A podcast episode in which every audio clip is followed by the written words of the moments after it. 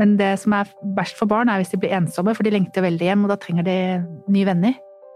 Så det er viktig at alle stiller opp. Vi skal stille opp for de barna som kommer fra Ukraina, men vi skal også stille opp for alle de barna som har foreldre fra Russland. For de er ikke skyld i det som Putin har gjort. For tre uker siden sendte Russlands president Vladimir Putin soldatene sine til krig i nabolandet Ukraina. I dag skal vi få svar på mange ting dere lurer på om det som skjer i Ukraina. Og til å hjelpe meg med det, har jeg fått med Norges utenriksminister Anniken Huitfeldt.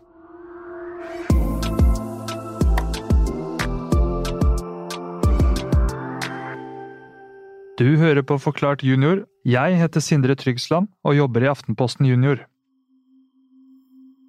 Hvorfor går Putin til angrep på Ukraina? Putin vil at eh, Russland skal eie Ukraina. De var i ett land før. Da bestemte Russland over Ukraina. Akkurat som i gamle dager så bestemte Sverige over Norge. Og for over 100 år siden så skrev vi under på en avtale om at Norge skulle bli sitt eget land. Det gjorde jo Ukraina også. De gjorde det for 30 år siden. De skrev under ja, de skal få lov til å bli sitt eget land, og Russland skal aldri angripe dem. Men så ville Putin bryte den avtalen. Han vil ha tilbake Ukraina, han vil bestemme over det landet. Russland og Ukraina har hatt møter i det siste. Hva snakker de egentlig om der? Da sier Ukraina at eh, nå må dere slutte med kriginga, og dere må legge ned våpenet. Og da sier Russland ja, hva kan dere gi, da? Kan dere gi dere at vi kan få halve landet deres? Og sånn snakker de, da. Men det som er vanskelig for Ukraina, er jo at eh, de har invadert landet deres. De kan jo ikke gi fra seg deler av landet sitt nå. Det vil jo ikke de som bor der. Tror du de blir enige? Jeg håper det. Men da må jo Russland legge ned våpenet. Det er veldig viktig å huske på at mange av de som er soldatene til Russland, de er jo vanlige storebrødre og pappaer, de òg. De visste jo ikke at de skulle i krig, men de er der. Og mange sier jo at de ønsker seg å dra hjem. Er Norge uvenner med Russland nå som de har gitt våpen til Ukraina? Vi er jo ikke enige med Russland på grunn av at de har gått til angrep på Ukraina, så det protesterer vi jo høyt mot. Så har vi gitt noen våpen til Ukraina, men vi sender ikke norske soldater dit. Fordi vi ønsker ikke noe krig mellom Nato, som Norge er med, og Russland. For da blir krigen enda større. Nato er på en måte som en gjeng som sier hvis noen angriper én i gjengen, så stiller alle de andre opp. Det er 30 land i Nato. Kan Russland angripe Norge? Nei, vi ser ikke noe tegn til det nå. Vi veit jo ikke hva som skjer i all framtid. Men vi er jo med i Nato, så hvis noen angriper Norge, så kommer det jo andre land til å hjelpe oss. Så Norge klarer seg ikke mot Russland alene, det kan bare se på kartet. Russland er jo veldig svært. Eh, men hvis noen kommer og angriper Norge, så kommer det andre Nato-land til. For eksempel Storbritannia og USA og Tyskland. Så da skal de hjelpe oss. Hva er det du gjør nå som det er krig? Da snakker jeg med de som har min jobb i andre land. Eksempel Sverige og Finland og Danmark og også Tyskland. Så vi sier det samme til Russland. Og så sier vi også at vi skal hjelpe de flyktningene som kommer. Og det skal komme til eh, andre land, og at Russland må slutte. Eh, nylig var du ute på tur. Hvor var du da? Da var jeg i Polen. Så møtte jeg alle de barna som kom over grensen sammen med mammaen sin. I Norge så må man jo i militæret enten man er mann eller dame, men i Ukraina så er det bare menn. Så de kom over grensa og hadde sagt ha det til pappaen sin eller bestefaren sin, eller kanskje storebroren sin, som skulle ut i krig. For i Ukraina så må alle menn som er mellom 18 og 60 år, de må være igjen og kjempe mot Russland. Så de var veldig lei seg da de kom over grensa. Så du noe der som ga deg håp? Ja, at det var så mange som hadde kommet dit og ga dem mat og ga dem suppe. Og at det var veldig mange klemmer, og at barna lekte uansett. Hva sa flyktningene du snakket med? De hadde reist i mange dager, noen hadde reist i fem dager, og de var kjempeslitne. Så de, var de redd for hvor de skulle sove om natta, og da sa jeg jeg har vært litt lenger fram der, der du skal nå, og der har jeg sett det er senger, og der er det bamser, der er det mat, det var til og med norsk melkesjokolade der.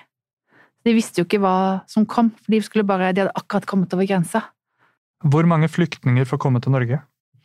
Vi vet ikke helt hvor mange det blir.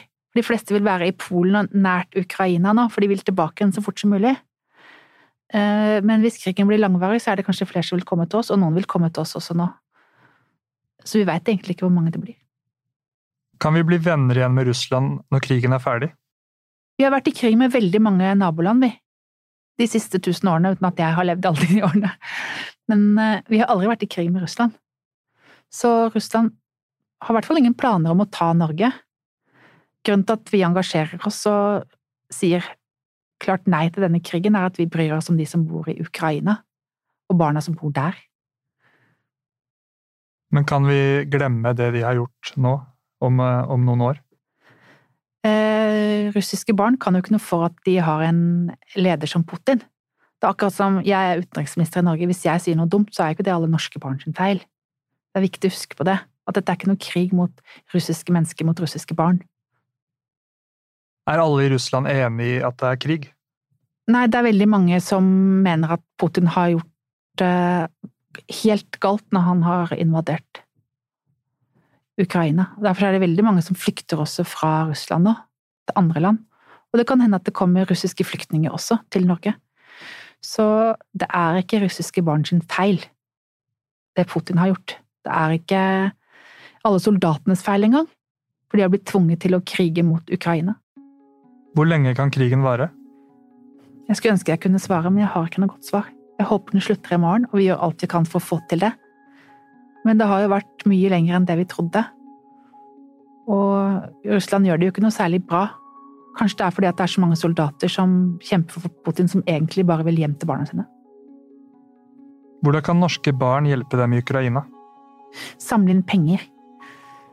Fordi at det tar så lang tid å sende bamser og sjokolade og sånn. Da må du på lastebiler, og det tar så mye tid.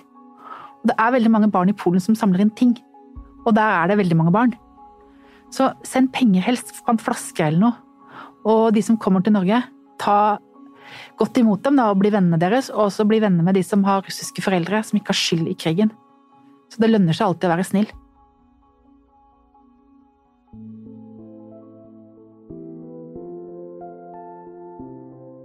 Om du synes dette er litt skummelt, så syns jeg du skal snakke med en voksen du stoler på.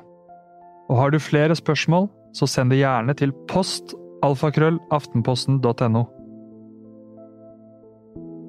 Du har hørt Forklart junior, og jeg heter Sindre Tryggsland.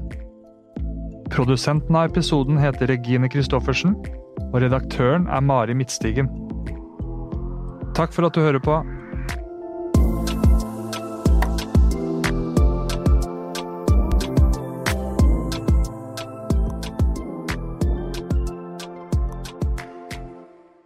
Er du glad i mysterier og gåter? Da må du følge med på Forklart junior fremover, for snart kommer en egen episode med masse oppgaver og gåter som du kan være med å løse, og du kan vinne premier. Vi høres snart!